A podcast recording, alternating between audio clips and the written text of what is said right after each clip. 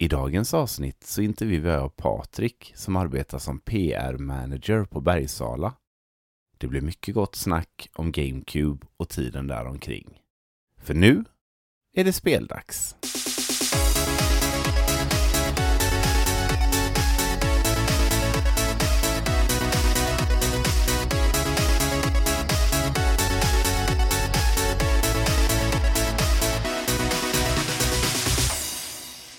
I juni 2022 åkte jag ner till Kungsbacka för att träffa Patrik, PR-manager på Bergsala.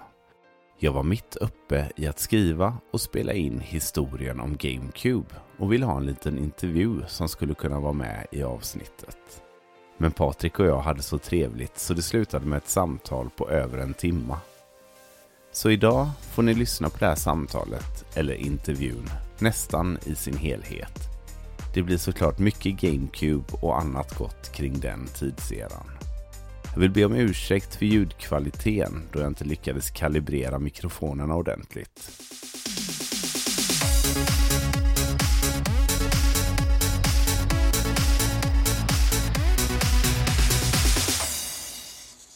Jag, har ju, jag tänker att du får prata lite fritt om, om dina minnen kring GameCube och så kanske jag flikar in med frågor under, Ja, precis. Blir, känns det bra? Eller? Man, det? man har ju så många minnen så det, det här att, att välja det är ju tufft alltså. Men man får ändå försöka pinpointa. Ja, precis. Men eh, jobbade du på Nintendo då eh, under GameCube-tiden eller när började Eh, du på ja, Nintendo? jag, jag började mars 2001. Mm, Så det var, då var det ju... Då sålde vi fortfarande Nintendo 64-spel. Just det. Och eh, Game Boy Advance var ju liksom i antagande och blev någonting väldigt stort. ja, Så jag kommer ihåg, eh, Majora's Mask hade väl precis släppts tror jag. När jag började jobba där. ja, Så det var ju ganska hett när jag kom där. Liksom. Eh, Min, chef, min chef där då, han sa direkt att ja, du måste spela de här spelen och de här spelen. Så fick jag dem i näven och liksom, gå hem och spela de här. Liksom. Var det ditt, eh, ditt, din start på ditt jobb då liksom? Ja, lite grann. Så han, han ville att jag skulle uppdatera mig. För jag, jag, jag har, har ju alltid spelat Nintendo ända sedan eh, Game Watch-tiden liksom. Mm, Så att ända sedan 1981 blir det? Eh, så att jag har ju alltid varit en Nintendo-fan om man säger så. Eh, och har jätte, jättemycket spel hemma. En jättestor samling från den här tiden. Men när jag, innan jag började jobba på Bergsala så hade jag varit lite borta från Nintendo-serierna Ja. några år. För jag, hade, jag hade jobb, jobbade eh, väldigt mycket på den tiden. Jag hade inte riktigt tid att spela så mycket som jag ville. Plus att jag hade ju en PC vid den tiden. Så när jag väl hade tid att spela så blev det kanske att man satte sig framför PCn då och körde något. Du vet, så. mm. så jag hade varit borta lite från Nintendo. Så jag blev liksom bara ah, yes. Nu har jag de här spelen i näven. Liksom, wow. Och det ingår i Det ingår i jobbet arbetsbeskrivningen. liksom. Så det känns lite overkligt så. Men Ja, det- förstår jag. Jag var, så, jag var så glad liksom när jag, när jag hade fått jobbet för jag tänkte ah, jag älskar ju Nintendo. Jag vill liksom komma in i det igen liksom. Mm, För det är alltid så när man var borta från någonting man älskar. mm. Och bara nu. Och då går man liksom all in Ja, igen. ja, verkligen. Det är, ju, det är ju precis så som det har varit för mig. Jag har ju alltid samlat på, eller spelat mycket spel och Nintendo också. Eh, Men eh, jag hade ju en liten paus från mitt samlande och spelande i några år. Som sen återväcktes då med, när switchen kom. Och då är, har du ju också all in liksom.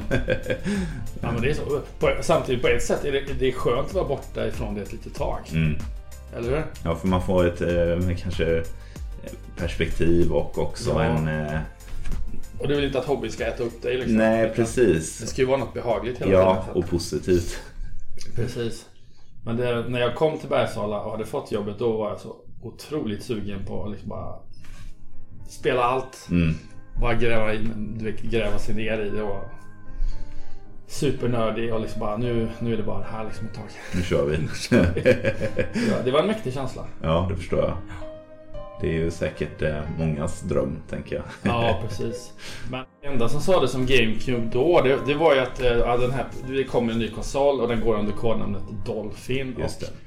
Ehm, all, all, alla faktablad och grejer jag fick den av, det, det stod ju Dolphin överallt. Det stod ju inte Nintendo GameCube eller något sånt liksom. Nej. Det var bara Dolphin liksom. Så jag tänkte, ja okej, Dolphin. Ja. Kanske funkar. Ja, precis. Nintendo Dolphin liksom. Nintendo har ju haft en förkärlek för att ha lite sådana här eh, kodnamn på Ja. sina maskiner. Det var ju Revolution på Wii och. Project Café på Wii U och sådär. Så att, eh, ja. Eh, men då, just då tänkte man inte, jag tänkte inte så mycket på den här nya konsolen. Ja men den kommer väl när den kommer. Ja. För ingen där visste när den skulle komma. Eller ja men du vet det kan dröja flera år innan Ja. Nintendo släpper den. Och så, här, bara. så då, då liksom, ja men då fokuserade jag på den här nya Game Boy Advance liksom. Och den, var- den var ju skitbra. Det släpptes ju mängder av bra spel till den. Verkligen. Och också att det var en bärbar Super Nintendo på ett sätt. Ja. Det var ju väldigt häftigt eh, på den tiden. Eh, Det var ju ett... Man kunde spela med andra liksom. Game Boy, Game, vad heter den? Eh, Advance Wars. Just det, Det spelade precis. vi otroligt mycket. Ja, Eh, Varenda liten rast liksom. ja, Alla skulle sätta sig och spela Game Boy Advance, äh, Advance Wars. Men så kom ju GameCube till slut och det- jag fick ju åka till E3 det året. Första året där. 2000. Ja, ja precis, det var ju 2001 i maj var det. Ja, Maj månad. ja, Så det var ganska tidigt det året. Ehm, så jag, jag, visste, jag visste inte vad man kunde förvänta sig. Jag hade ju aldrig varit på en sån spelmässa av den eh, digniteten förut. nej, Så allting var ju väldigt storslaget och pompöst. Sådär. Ja. Och man satt där, man fick gå in där i den här stora salongen där och, och liksom, och man märkte att de amerikanska fansen var ju ganska högljudda. De, de var ju extremt hypade liksom. Man, Ja. man tyckte att man själv var hypad men ja. när man såg dem så liksom man dagen oj de är väldigt högljudda så liksom.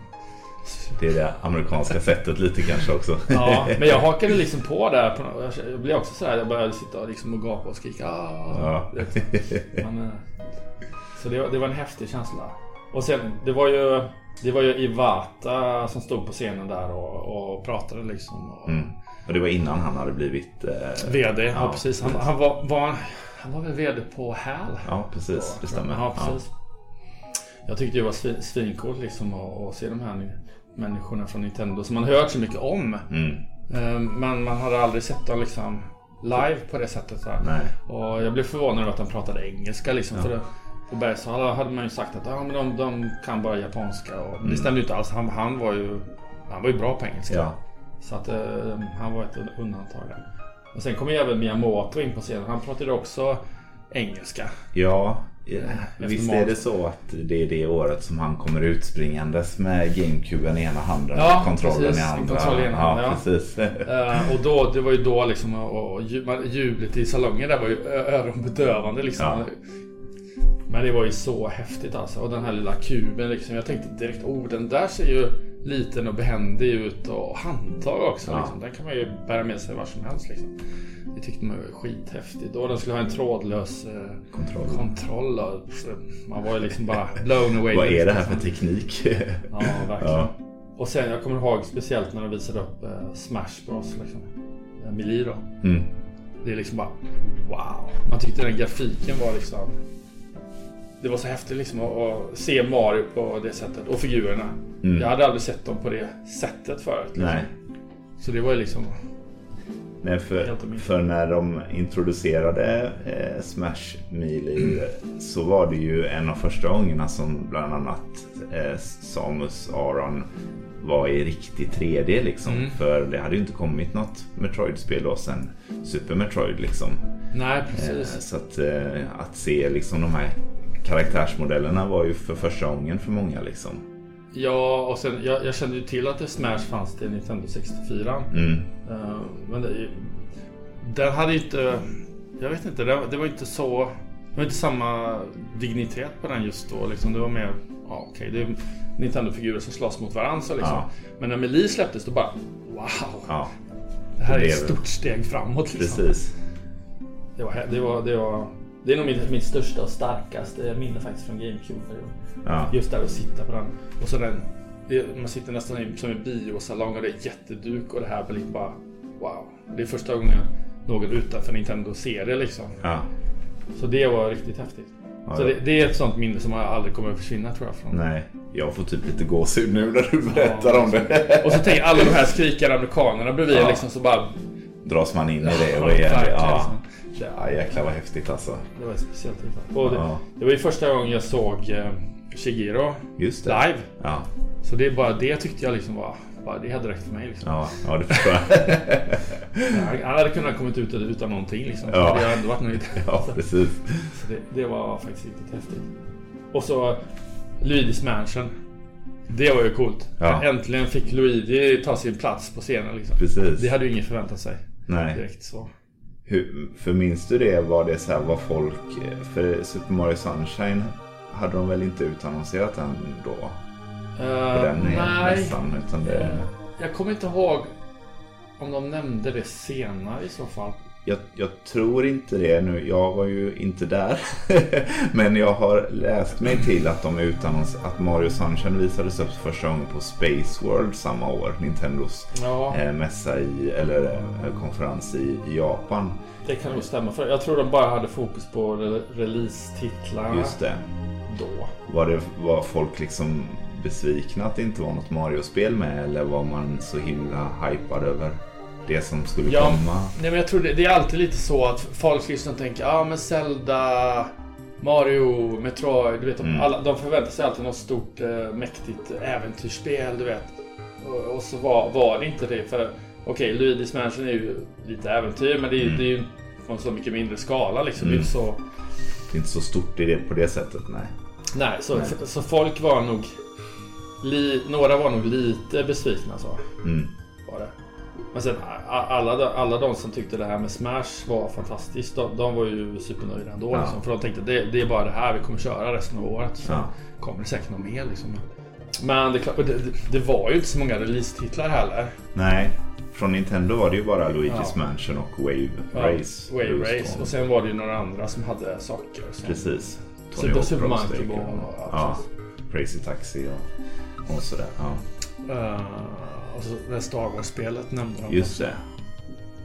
Eh, och sen det visade sig ju att alla de här spelen, de var ju bra. De var ju jättebra liksom. Mm. Men de var ju inte, det är klart, de var ju inte ett nytt Super Mario-spel eller ett nytt Zelda-spel. Nej, Men eh, för personlig del så kände jag att det här, det här kan jag leva på ett bra tag. Ja. Och det kunde man ju också. ja. För det, det bevisades ju i efterhand.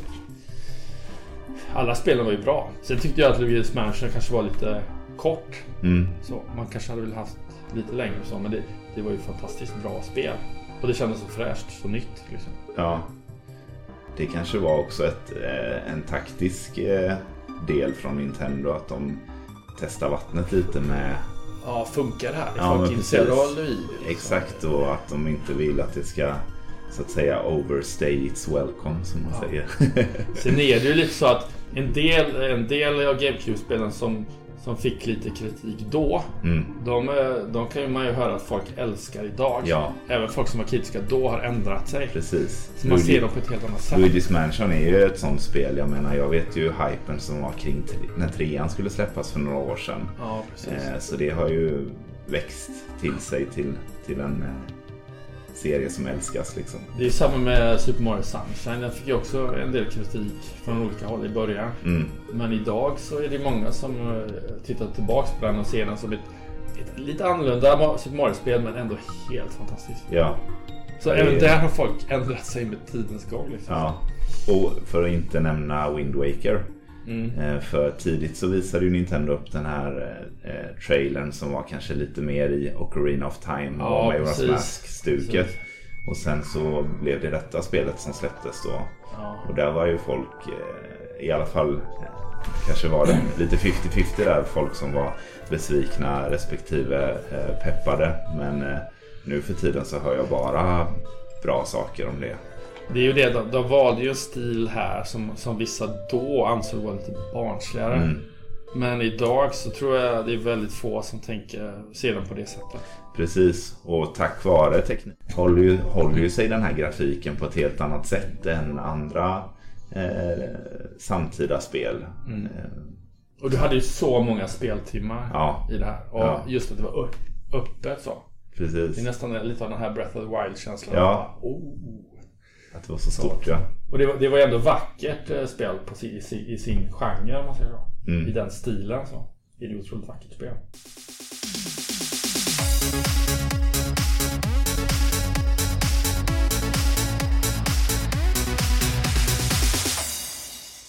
Sen har vi ju Metroid Prime. Det var ju faktiskt ett spel som fick eh, superbra kritik redan från början. Liksom. Ja.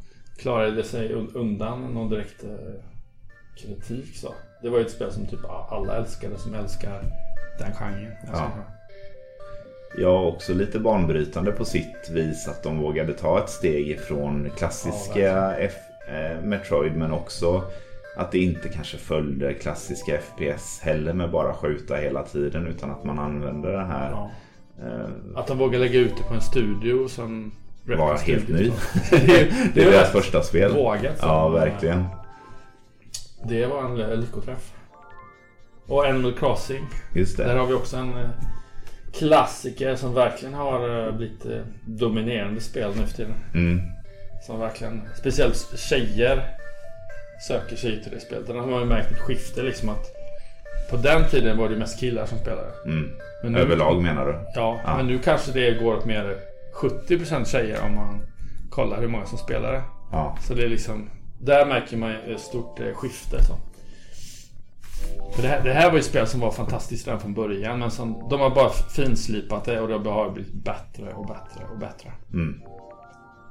Ja, det är ju verkligen samma eh, grund i koncept liksom. Men allting är större och Ja, mer finpolerat liksom. Och sen har vi ju Paper Mario. Mm. Jag älskar Paper Mario till eh, Nintendo 64. Mm. Men här tycker, här tycker jag de lyckades göra en uppföljare som var värd eh, namnet liksom. Ja, det här, är här fick du många speltimmar och... Eh, det är ju inplastat ju. ja, precis. och det är som för jag, jag kommer ihåg att jag spelade den japanska versionen. Ja, Och jag satt hur liksom... tog du dig igenom den då? Nej men jag, jag satt och, jag satt med sånt eh, japanskt lexikon och försökte... Åh herregud. översätta. Ja för jag tänkte, när jag fick den japanska utgåvan så tänkte jag att ah, det kommer ju ta, det kommer ta en evighet innan det kommer ens släpps i USA. Ja, Det kommer ta så lång tid så jag tänkte jag måste, jag måste, jag kan inte låta bli spelare. Jag måste köra igenom hela spelet. ja, Och liksom försöka, du vet det kommer ta evigheter. Men ja. jag, jag tänkte ja, ja men då kanske jag lär mig lite japanska och så blir jag bättre på japanska också. Så det är win-win. Eh, och det, det tog ju verkligen en evighet. Och grejen är att man, man förstår ju inte skämten. Nej, För, för du översätter det under ordagrant, du kommer inte förstå. Det blir inte samma helhetsbild. Nej. Nej. Så jag fick, jag fick ju använda mig av internet eh, för att, försöka ta reda på. Och då, hit, då hittade jag ju folk som skrivit eh, eh, som kanske var japaner själva och som kunde förklara skämten. Så jag hittade en sajt där, där, där det var någon japansk kille som hade för, förklarat alla skämten. Ja, okej, shit. Så jag liksom, åh äntligen, nu, nu, nu fattar jag det roliga. Liksom. För det är ju mycket humor i de här spelen. Ja, verkligen. Eh, En humor på ett sätt, sätt som man inte ser i dagens Nintendo-spel. Nej. Nej, men de vågade väl eh, dra, som du sa i början, att de eh, vågade och Ja. spetsa till det lite. Och, Jag tror och, de hade inte lika mycket restriktioner då. Det är nog svårare att få igenom skämt nu för tiden. Mm, Uh, vi får se. Man kan ju alltid hoppas att det luckras upp lite för de här spelen är ju jätteroliga. ja, och det är ju många som ser tillbaka på, på The Thousand Year Door som, som Ja. det bästa i serien. Liksom. Eh, Så, Uh, så att, ja. Men det, jag förstår det är en svår balansgång. eh, hur man ska lägga skämten och när man ska introducera en massa nya karaktärer och få ihop det liksom på ett bra sätt. det är väl också i och med att Nintendo, eh, vad heter det, hinner ju inte att göra alla spel själva så att säga. Nej, Så känns det väl rimligt att ha någon typ av eh, grundregel eh, kring hur andra utvecklare ska ta sig an deras serier och karaktärer. Liksom. Ja, Eh, precis. Så det kan man väl ändå ha förståelse för. Och sen, sen vi fick ju mängder av bra tredjepartsspel också till eh, konsolen. Jag, jag älskar ju personligen Skies of Arcadia släpptes Mm. till GameCube. För jag, jag hade inte spelat det spelet innan. Nej. Jag hade bara hört alla andra sa att ja, du måste spela det. Det är fantastiskt. Ja, för det släpptes ju på Dreamcast Ja, precis. först. Ja, precis. Så det, det, just det var en ganska stor grej att Sega släppte spel till, Ja. till GameCube. Verkligen. Så det var ju ett genombrott. Det, vilket var konstigt för mig som växte upp liksom med Sega och Nintendo-kriget liksom. Som Rivaler, ja exakt. Och så tänkte man, hur kommer det här funka? ja. Men det funkade ju helt fantastiskt. Ja, det gick jättebra. Sega släppte ju två spel på releasen precis som Nintendo. Så att, eh, Mm. Men, Su- men Super Monkey Ball var, ju faktiskt också ett otroligt roligt spel. Ja. Och det är ju också eh, de två första spelen är ju också Mm. många som har som favoriter i serien. Eh, Ja, för jag, jag, jag kommer ihåg att jag när, jag, när jag såg Super Monkey Ball första gången så tänkte jag, vad är det här liksom? Ja, vad är det här? Är, är, det här? är det här värt att testa? Ja. Men så fort man körde igång så var man ju fast direkt alltså. Ja, För jag vet det var en kompis som beskrev det till mig för han var helt inne i detta och han sa det är ju som det här eh, där du ska rulla en kula genom eh, vi som är födda på 70-80-talet Ja, ja, minns ju det. det. Jag kommer inte ihåg vad det heter exakt. Men, lab, vad är det? Labyrint? Nej. ja, men du har liksom två hjul Mm. och så den ena styr. X-axeln och den andra Y-axeln och så ska du rulla en kula. Jag bara, ja det lät ju skitkul. Ja, men det var ju väldigt beroendeframkallande när man väl spelade. Ja, och Super Monkey Ball var ju ett spel som blev ganska svårt efter ett tag. Mm. Och då blev man ju taggad för då vill man, man vill ju ta de där riktigt svåra valen. Alltså. Ja. Och det var ju inte lätt. Nej, men där eh, tycker jag ändå att kontrollen eh, skiner lite extra. Och det är ju ändå lite speciellt med GameCube-kontrollen. Den lever ju fortfarande idag och säljs fortfarande. Ja, Framförallt till Smash. det då. känns lite konstigt att, att vi, vi fortfarande säljer den. Liksom. Ja. Det, det är häftig, häftig känsla. Liksom. Ja, för varje konsol efter GameCube har ju stött eh, Ja. GameCube-kontrollen. Eh, främst då till Smash, men eh, det är ju Precis. väldigt häftigt ändå. Ja, jag, måste, jag måste fortfarande säga att det är nog den kon- kontrollen som ligger skönast i mina händer. Mm. Det, det är faktiskt den mest ergonomiska kontrollen. Ja, Alltså, då talar jag ju för mig själv, för alla har ju olika händer. Precis, alltså, så är det ju. att- men för mig så är den perfekt. Liksom. ja. ja men den blev ju väldigt uppskattad för Och så, jag tycker den är, den är ju väldigt snygg också. Ja, det är den ju. Och den har ju också ett eget utseende. Mm. Det går ju inte att- Man missar ju inte. Den sticker ut. Ja, den sticker Ja. ut. Ja, precis. Så det gör den lite häftig. Mm.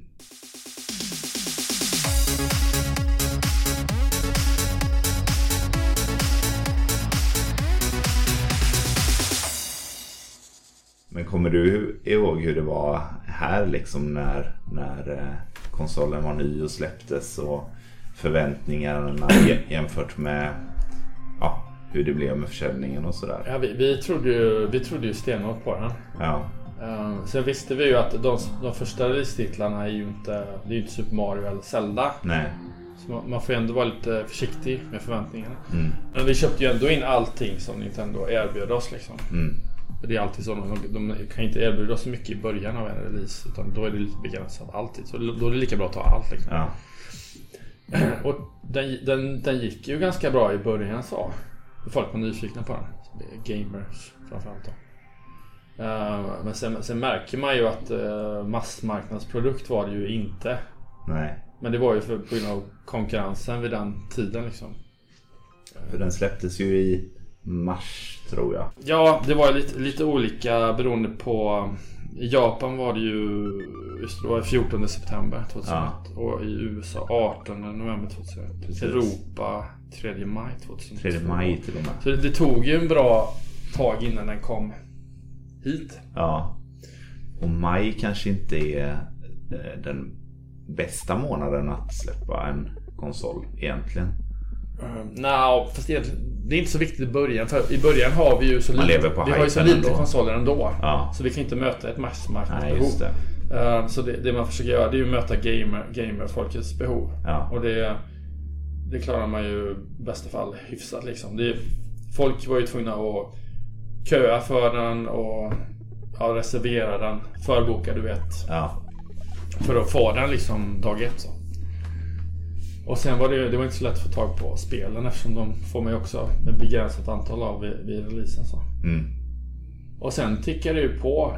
Men som sagt, de spelen som släpptes de var ju för gamers. Ja. Så med tiden så vi når liksom inte utanför dem liksom. För de, de sitter kanske där och sp- spelar Playstation 2 istället. Ja.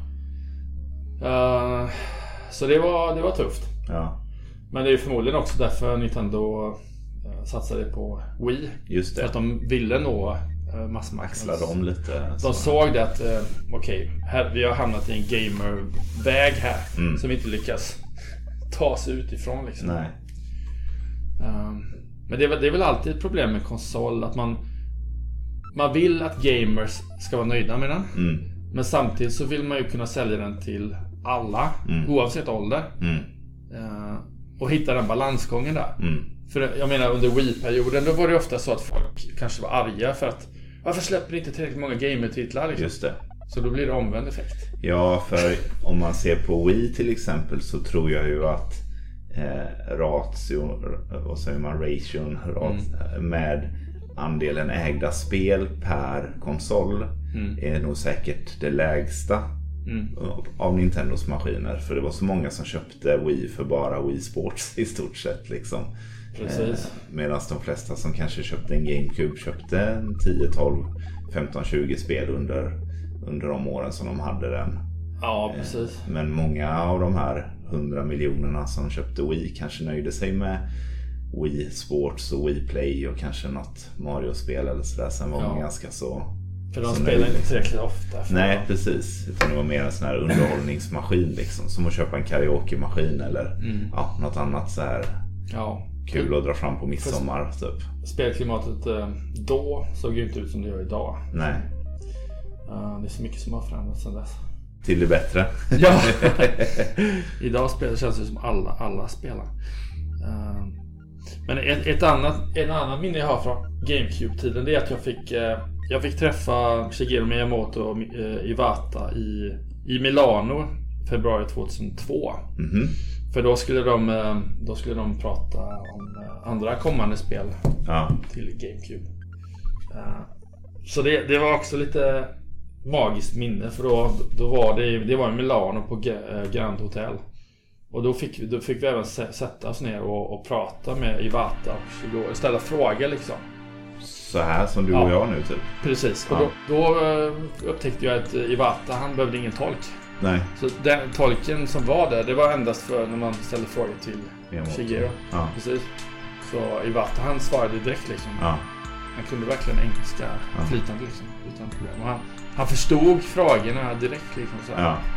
så bara, då insåg man verkligen oh, wow, Ja. det här är liksom en person som är... Han tillhörde ju ändå den äldre generationen så sett. Eh, Miyamoto Ja. var väl lite äldre kanske men eh, Precis. ehm, men där, där fick man verkligen känslan av att han, att uh, Iwa, Iwata vill verkligen vara överallt. Ja. Han vill vara internationell, global, han vill. när sa du att det var? Var i Milano 2002, februari. Februari. Ja, då hade väl han precis tillträtt som, eh, som VD för Nintendo. Ehm, jag tror det var strax därefter. Ja, så kanske det var. Ja. Ja, För då, då tror jag fortfarande att han var VD för HAL. ja okej. Ja, för det var någonstans där på vårkanten eh, Precis. som... som eh, För det som förvånade mig- mig det var att när, när vi åkte dit ja, så hade jag liksom, jag hade bara, då hade jag liksom bara Shigeru Miyamoto i tankarna. Ja. Liksom. Jag, jag, jag, jag och de andra presskunderna som åkte dit. Jag skulle skriva en artikel för Club Nintendo. mm, Så det var därför jag fick intervjua dem. Och så, då tänkte jag att Iwata han, han är liksom bara en VD. Han, han kommer inte ha, han kommer inte, han bara prata om siffror. just det. Men Så var det inte alls.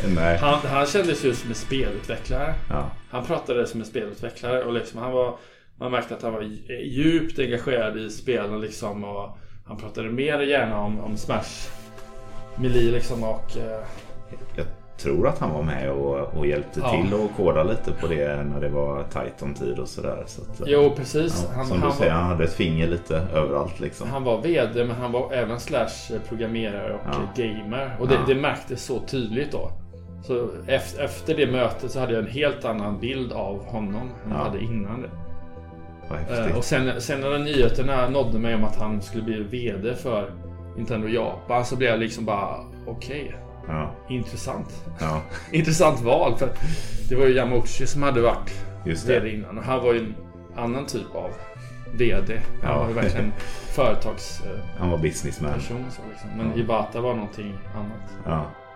Kommer du ihåg vad du eh, ställde för frågor? Eh, bra fråga. Jag, jag kommer ihåg att vi eh, pratade om Meli. Mm.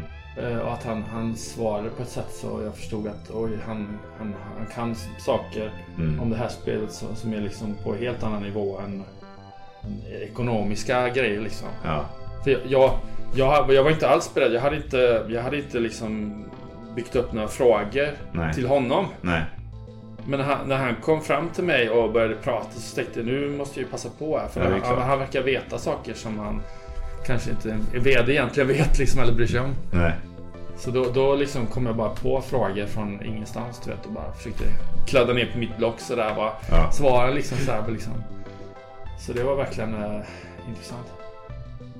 Och det, det, var, det var bra framförallt för han han gav, eh, han gav oss mer tid än vi egentligen skulle haft. Ja, okej. Eh, så han, han liksom... Det var verkligen så, ja men jag, jag tar lite mer tid här åt det här liksom. Ja. Han, var, han var engagerad liksom. Det var Ja. inte bara, jag är här under den här bestämda tiden. Nu är klockan två så nu får jag på mig. dra, liksom. Ja. Nej.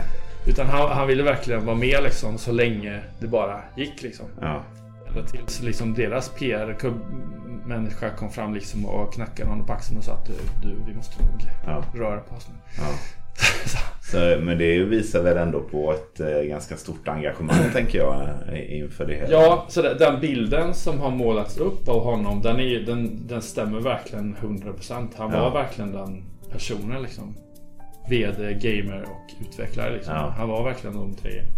Han försökte verkligen vara dem och han var verkligen dedikerad att eh, vara det liksom. Ja. Så det var hans intresse liksom. Jag har ju ett segment i eh, det här Fakta om Wii U avsnittet. Där jag klippte in det här eh, On my my business card, I am a corporate president. In my mind, I am a game developer. But in my heart, I am a gamer. Ja men det, det stämmer verkligen, verkligen liksom. Så det, jag tänker, jag tänker Det måste ändå vara det Yamuchi såg i honom. Att Mm. det här är en kille som kommer funka bra för framtiden. Mm. För han kan liksom ta alla de här bollarna från olika håll. Ja. Och hantera dem på ett bra och balanserat sätt. Liksom. Ja. Så det, det var rätt fascinerande. Så det är också ett sådär minne som är väldigt starkt. Liksom, att jag, hur förvånad jag blev liksom att en vd-person var på det sättet. Ja. För det, det var inte jag van vid Nej. alls. Det var Nej. liksom bara, man blir liksom wow. Ja, man har väl en eh, så här nidbild av vd som eh, affärsmässiga Ja. eh, mässiga, eh, personer liksom. För jag, jag hade ju jobbat i, i dagspressen i så många år innan Bergsala. Och jag hade ju intervjuat mängder av VDar. Mm. Och visst, ibland kunde man ju träffa någon VD för något mindre bolag och de kunde ju vara sådana. Ja. Men så fort det var större bolag så märkte man att de blev ofta mer, du vet, lite st- strama så, väldigt fokuserade på pengarna, ja. ekonomin. De hade sin Ja. plats liksom på, i det. Precis, och Nintendo, Ja. Nintendo är ett stort bolag så att eh, Ja. Då tänkte jag, man ja men då är, då är VDn är nog bara, du vet, pengar, pengar, pengar. Ja. Men så var det inte i fallet med Iwata. Han var... Han var mycket mer liksom. Ja. Så, så han, han var en väldigt fascinerande person liksom.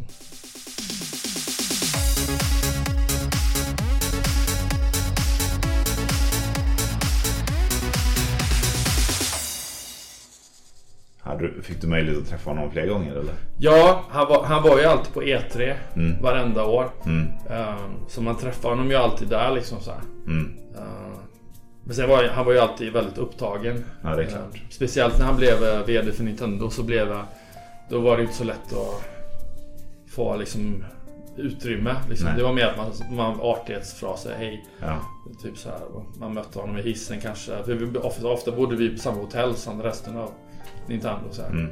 så till, exempel gick, man- gick man ner till poolen på hotellet så kunde ju Shigeru ligga där i vattnet och simma liksom. Så det var liksom bara okej. Hur, hur många gånger tog det innan du vande dig vid det eller vande du dig aldrig vid det? Nej, man, ja, man, nej, man vande sig aldrig. Nej.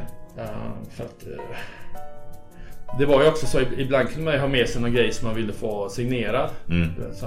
Men man var ju alltid så här, "Äh, jag kan inte gå fram liksom. Han, han kommer ihåg att jag kom fram en massa prylar förra gången. Så här. Jag, jag kan inte med det liksom. I år har jag med mig de här grejerna.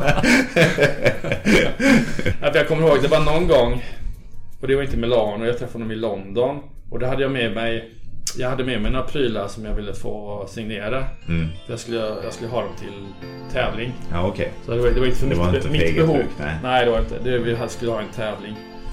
Och då, jag tror det var, jag tror det var fem stycken eh, Super Mario Game Boy Advance tror jag. Mm. Och eh, då tittade han på mig och skrattade liksom så här. Ja, too much, too much liksom. Och jag bara, åh nej, har jag gjort bort mig liksom. Ja. Men så började alla, alla runt omkring honom här bara började skratta liksom. Och sen tog han pennan bara och signerade den. Ja. Men då blev det så här lite, då skämdes jag lite så här. "Ah, fem. har gått över Det kanske var för mycket. Ja. Så att eh, efter det blev jag lite så här. Ja, jag vet inte om jag... Han kommer säkert minnas det tillfället. Då, Just det. Mr Too Much. Ja, precis. Ja, Mr Too Much. Nej, jag vill inte vara, jag vill inte vara Mr Too Much. Så Nej. då blev det lite så här. eh, Men jag kommer ihåg, jag, jag gick fram till honom på någon buss någon gång och fick en Nintendo DS tror jag det var signerad Mm. till en tävling. Och då, då kände jag, då var jag lite så här tveksam, ska jag verkligen våga gå fram? Jag, jag vill ha den här tävlingen. Mm. Det skulle vara så coolt att kunna tävla ut en signerad Nintendo DS liksom. Ja. Så då, då tog jag mig modet och gick fram liksom och då, då, då signerade han liksom utan att säga något. Det Ja. var bara en grej. Så. Ja, precis. Ja, nej men det var, det var också ett sådär minne att åh, har jag gjort bort mig nu liksom. Ja. Så att det var, ja. Det var lite svettigt. ja, det förstår jag. Men det, är- det är sådana grejer som man kanske inte tänker på innan. För man tänker ju att ja, det här är ju inte till mig. Det här är ju faktiskt... Nej, för- precis. Jag jobbar ju nu så att säga. Ja. Ja. eh, Men så tänker man, åh, den, men han, han, han får ju ändå sitta och signera så mycket. Mm. Men hans, hans hand måste ju verka dagen efter. Ja, gud ja. Du vet, jag kommer ihåg, han, han satt ju på någon sån något ställe i London och där det var köer av folk som ville ha grejer signerade. Ja, Och jag tyckte synd om honom och jag tänkte, åh, vad han har gett sig in på nu då. ja, Han får sitta där och signera. ja. Det kan inte vara så roligt. Nej. Man har ju ändå en så här tjusig signatur som ändå kräver, kräver lite Ja. hantverk liksom. Eh, men samtidigt, han, han är ju en sån person som verkar väldigt extremt ödmjuk. Mm. Att han... Han ger liksom. Jag, jag har aldrig sett han tack, säga nej till någon som kommer fram och vill få något signerat. Plus att han verkar alltid ha en guldpenna på sig liksom. Ja, han är förberedd. Han är, så, han är så väldigt professionell när det gäller sådana grejer och alla som kommer fram till honom är all, alltid vänlig liksom. Och, så han, han är ju väldigt öppen för att folk eh, kommer fram till honom, känner igen honom. Men har de inte en lite så speciell kultur på Nintendo i Japan? För jag tänker typ som Miyamoto. Jag menar, han hade ju kunnat gå till vilken utvecklare som helst och fått miljarder för att göra spel Ja. hos eh, Microsoft eller Sony eller vad som helst. Men, men det är det ju ingen som gör. Alla är ju kvar och jobbar och, och liksom sådär. Ja, Det måste ju vara någon, något visst. Det är, svårt, det är svårt att säga. Det, visst, de har en kultur i Japan att man, man gärna stannar kvar på ett företag länge. Ja, Men samtidigt så, det är ju personligt. Man kan ju lämna ett företag. Det är ju ingen som tvingar dig att vara kvar. Men Nej. så, ja, men, det- men han har säkert jättemånga skäl att vara kvar. Ja, jo säkerligen. Men det är ju fortfarande... Eh, Jag kan tänk om han bara hade varit driven av, av den liksom ekonomiska skäl så hade han ju... Eh, Absolut, han, han är ju en konstnär i första hand. ja, Det är han ju. ja. Eh, Men jag, jag kan... Nu vet jag, jag, jag kan inte minnas om han har svarat på den frågan någon gång. Jag, jag minns faktiskt inte om han har gjort det. Nej. Det har han säkert, det är bara det att jag kommer inte ihåg det. Nej.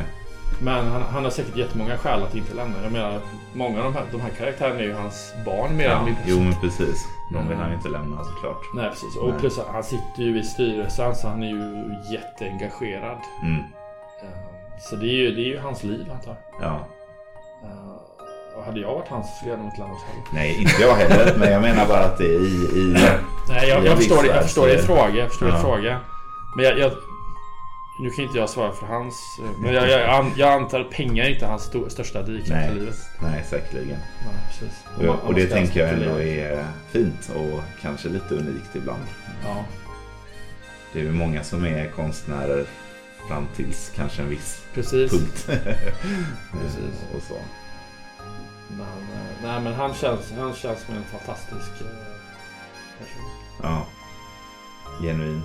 Ja, verkligen. Och Ja. just den här konstnärssjälen liksom. Han har ju verkligen hittat sin grej hos Nintendo. Mm. Och få göra... Tänk att, att vara konstnär. Mm. Och helt plötsligt upptäcka att oj, jag får göra nästan vad jag vill. Ja. Det är ju en konstnärsdröm. Ja. Ja, liksom bara, och jag får bra betalt för det. ja. Det är ju helt fantastiskt. Och här finns de här människorna som stöttar upp mig och hjälper mig liksom med det som... Ja. Ja. Och ha den ekonomin att Ja. nästan göra vad du vill. Ja. Det är ju helt fantastiskt. ja. Så det är verkligen en drömposition. Liksom. Det är ju det är fantastiskt vad han har skapat liksom. Och vi- trådar i det trädet. Där andra, han har haft lärjungar liksom som har i sin tur. Skapat sitt ja. Precis. Ja och inte bara det utan eh, influenserna som Alltså hur folk har influerats av hans spel som sen Ja. gör egna spel och, och så vidare. Så det, Precis. han är ju på något sätt, något sätt liksom den moderna tv-spelsvärldens uh, urfader kan Ja. man säga. Ja, just att han, han sätter inte upp några murar utan han låter liksom friheten flöda liksom. De har ju kommit på så fantastiska grejer liksom. Mm. Så det är ju verkligen helt otroligt.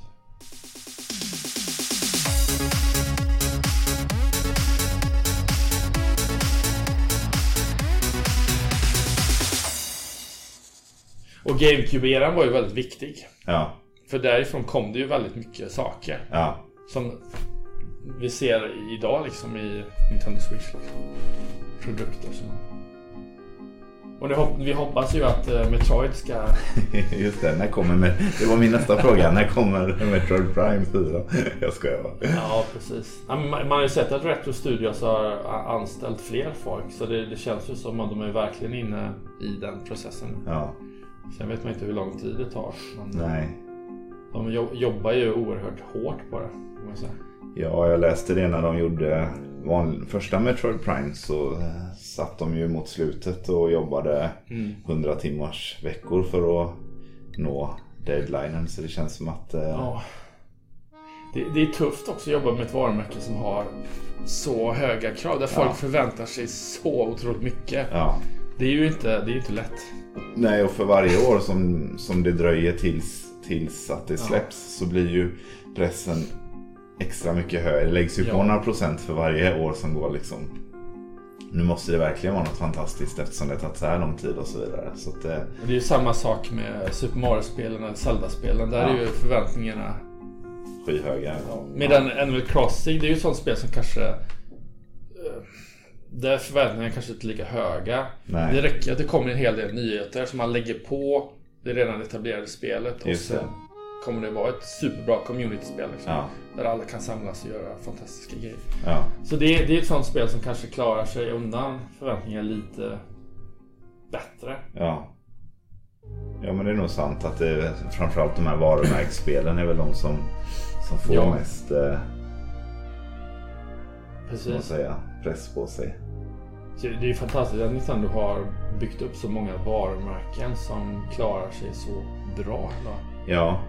Ja och också att de vågar att satsa på nya varumärken som Splatoon till exempel. Som nu, eh, ja det är ju, för mig är det ett nytt varumärke.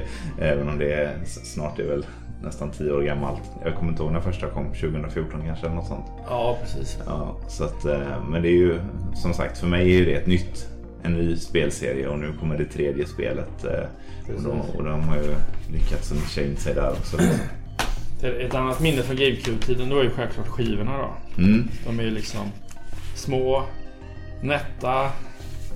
De var, de var bra, liksom, men de, de, de var inte så lätta att piratkopiera. nej, Så det är, det är också ett minne man har från den tiden. Att eh, Nintendo valde att gå sin egen väg även när det gällde liksom formatet. skivformatet. Liksom. Det Ja. rätt vågat av dem. Men Ja. man förstår ju lite va- varför de gjorde det. Men om man jämför med dagens eh, små kassetter eller att man kan ladda ner spelen eh, via en e-shop. Det är ju Mm. eh, rätt annorlunda. Ja, verkligen. Med den här tiden. Liksom. Ja. Men för det, jag, eh, jag har ju, du sa att du hade fått några av spelen, japanska spelen. Ja, precis. Och de eh, förpackningarna ser ju lite annorlunda ut än Ja, de våra. är, de är mycket, mycket mindre och så är är det väldigt kartong. Ja, kartong. Det här var ju plast när det kom. det är som ett DVD-fodral med en... Ja, samma storlek. Ja, det skulle vara lätt att ställa in i hyllorna i butiken. Ja. Så. Jag hade ju nästan hellre velat ha de här japanska. Jag tycker de är så himla snygga de med, just papp. Men en nackdel med de japanska är att de, är, de blir lättare skadade. Mm. För de har ju inte det här plastskyddet. Nej, Vilket gör att eh, om du inte behåller spelet inplastat så riskerar du att bli skadat. Ja. När du drar ut det eller liksom trycker in det någonstans. ja.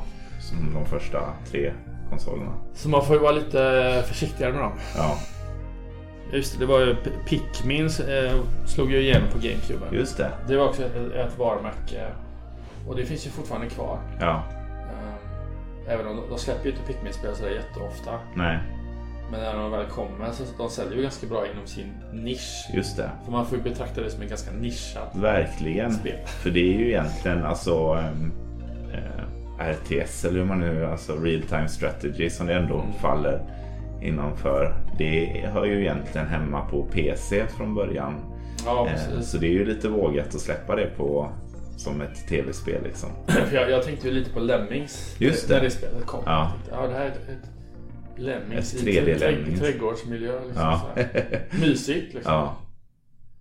ja, jag älskar Pikmin-spelen. Jag hoppas, eh, jag har ryktat som en fyra ett tag så att eh. Sen är ju frågan hur de ska göra, hur, ska, hur de ska bygga upp det för att det ska bli större. mm, Ehm, Så det blir väldigt spännande att se hur nästa Pikmin blir. För då, de har säkert, då har de säkert eh, tänkt till lite och ja. Och Man undrar ju hur de, vilka vägar de kommer välja liksom. ja, Men det, det som var fascinerande var ju att det, det var ett varumärke som kom med GameCuben då. just det. Att det är där det kommer ifrån. Så att det är lite häftigt. Ja. Och sen har vi ju F-Zero där. Det, det, det är ju Sista spelet, tvärtom. det är, det är ett en varumärke som inte ses så där ofta för tiden. nej, nej, det kommer något spel på Game Boy Advance efter eh, GameCube-spelet. Men det är ju det sista Ja. på stationär konsol till dagens datum i alla fall. Precis. Och så, ja, vi, ser, vi ser ju karaktärerna i Smash. Men annars. Annars är det inte så mycket ofta de figurerar, figurerar på något annat sätt. Nej, Men så jag hoppas ju att Nintendo inte har glömt bort dem utan att de återupplivar igen i framtiden. ja, För det, och det var ju ett väldigt bra spel till GameCube. ja. Jag gillade det på Nintendo 64 också. Ja. Eh, spelade jag jättemycket när jag var liten. Det var Precis. riktigt roligt. Den här fartkänslan har de ju verkligen lyckats att få till liksom. Precis, och musiken i spelet. Ja, riktigt grym ja. Så nej, nej, det hoppas jag inte att de har övergett. Men det, det tror jag inte i och med att de har med figurerna i Smash. Precis, exakt så tänker jag också. Så känns det som att det... Just det. Och sen har vi Star Fox också. Det, Star Fox Adventures kom ju till GameCube. Mm. Det tyckte jag var väldigt bra spel. Jag tyckte också det var jättebra när det kom. Ja. Jag, tänkte inte, jag tänkte ju på att det var, för jag hade ju spelat Light Wars Mm. supermycket. Men jag tänkte att ja, det här är ju nästa rimliga steg, liksom att han får kliva ur planet och göra något annat. Jag tänkte inte alls på att det eventuellt var ett annat spel från början som- det var. Nej. Eh, Sen kan jag förstå de som trodde att det skulle bli ett eh, rent flygarspel. Det är klart att de blir besvikna. ja, Men jag hade, jag hade inte alls sådana tankar. Jag hade ju, jag, jag hade ju sett filmer från spelet och tänkte det här ser ju skitsnyggt ut. Ja. De har verkligen lagt kraft på grafiken liksom. Precis. Och det eh, tog ju också eh, kanske och hämmade det här Zelda eh, suget hos vissa också. För det blev ju nästan som ett eh, Zelda-likt spel. Och det här släpptes Ja, ju några månader före Zelda eh, Wind Waker. ja, Eh, så att eh, det kanske fick, ja. fick eh, ja, de som var sugna på ett äventyrsspel fick det i det istället då. Men sen förlorade ju Nintendo Rare då. Men, Just det. Men det, det, nu känns det ju ändå som att eh, i och med att Microsoft verkar ha en väldigt öppen syn mot Nintendo. Mm. Så känns det ju ändå som att spel från dem kan hamna på Switchen också. Så Ja. Det finns ändå öppningar där. ja, precis. Eh, Inte minst med Ori-spelen som Precis. har släppts på Precis, och Banjo Kazooie. Man, man kan ju ändå tänka sig att det, kan- det kan lo- lossna mer och mer. Liksom. Ja, Microsoft har ju aldrig haft en stark eh, närvaro i, ja, på den japanska marknaden. Så där är ju de mer beroende av Nintendo än vice versa liksom. Och Minecraft eh, Just det. finns ju också på Switch. Så att, Ja, det, nej, jag tror, jag tror ändå det finns öppningar där för att vi kan se spel från Microsoft Studios på Nintendos konsol också. ja. Jag hoppas det i alla fall. Ja. Det, Mer spel är bara Ja. till fördel. speciellt Rare då, eftersom det finns ändå en historia Exakt. som är lite så Ja. häftigt.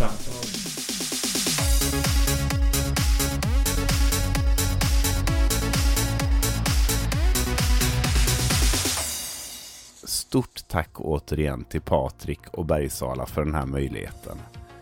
Följ mig gärna på Instagram. Där heter jag kort och gott Speldags. Vill ni stötta podden så finns Speldagsklubben på Patreon. Ni kan även dela podden i era egna sociala medier eller tipsa en intresserad vän. Ha en härlig dag så hörs vi i nästa avsnitt.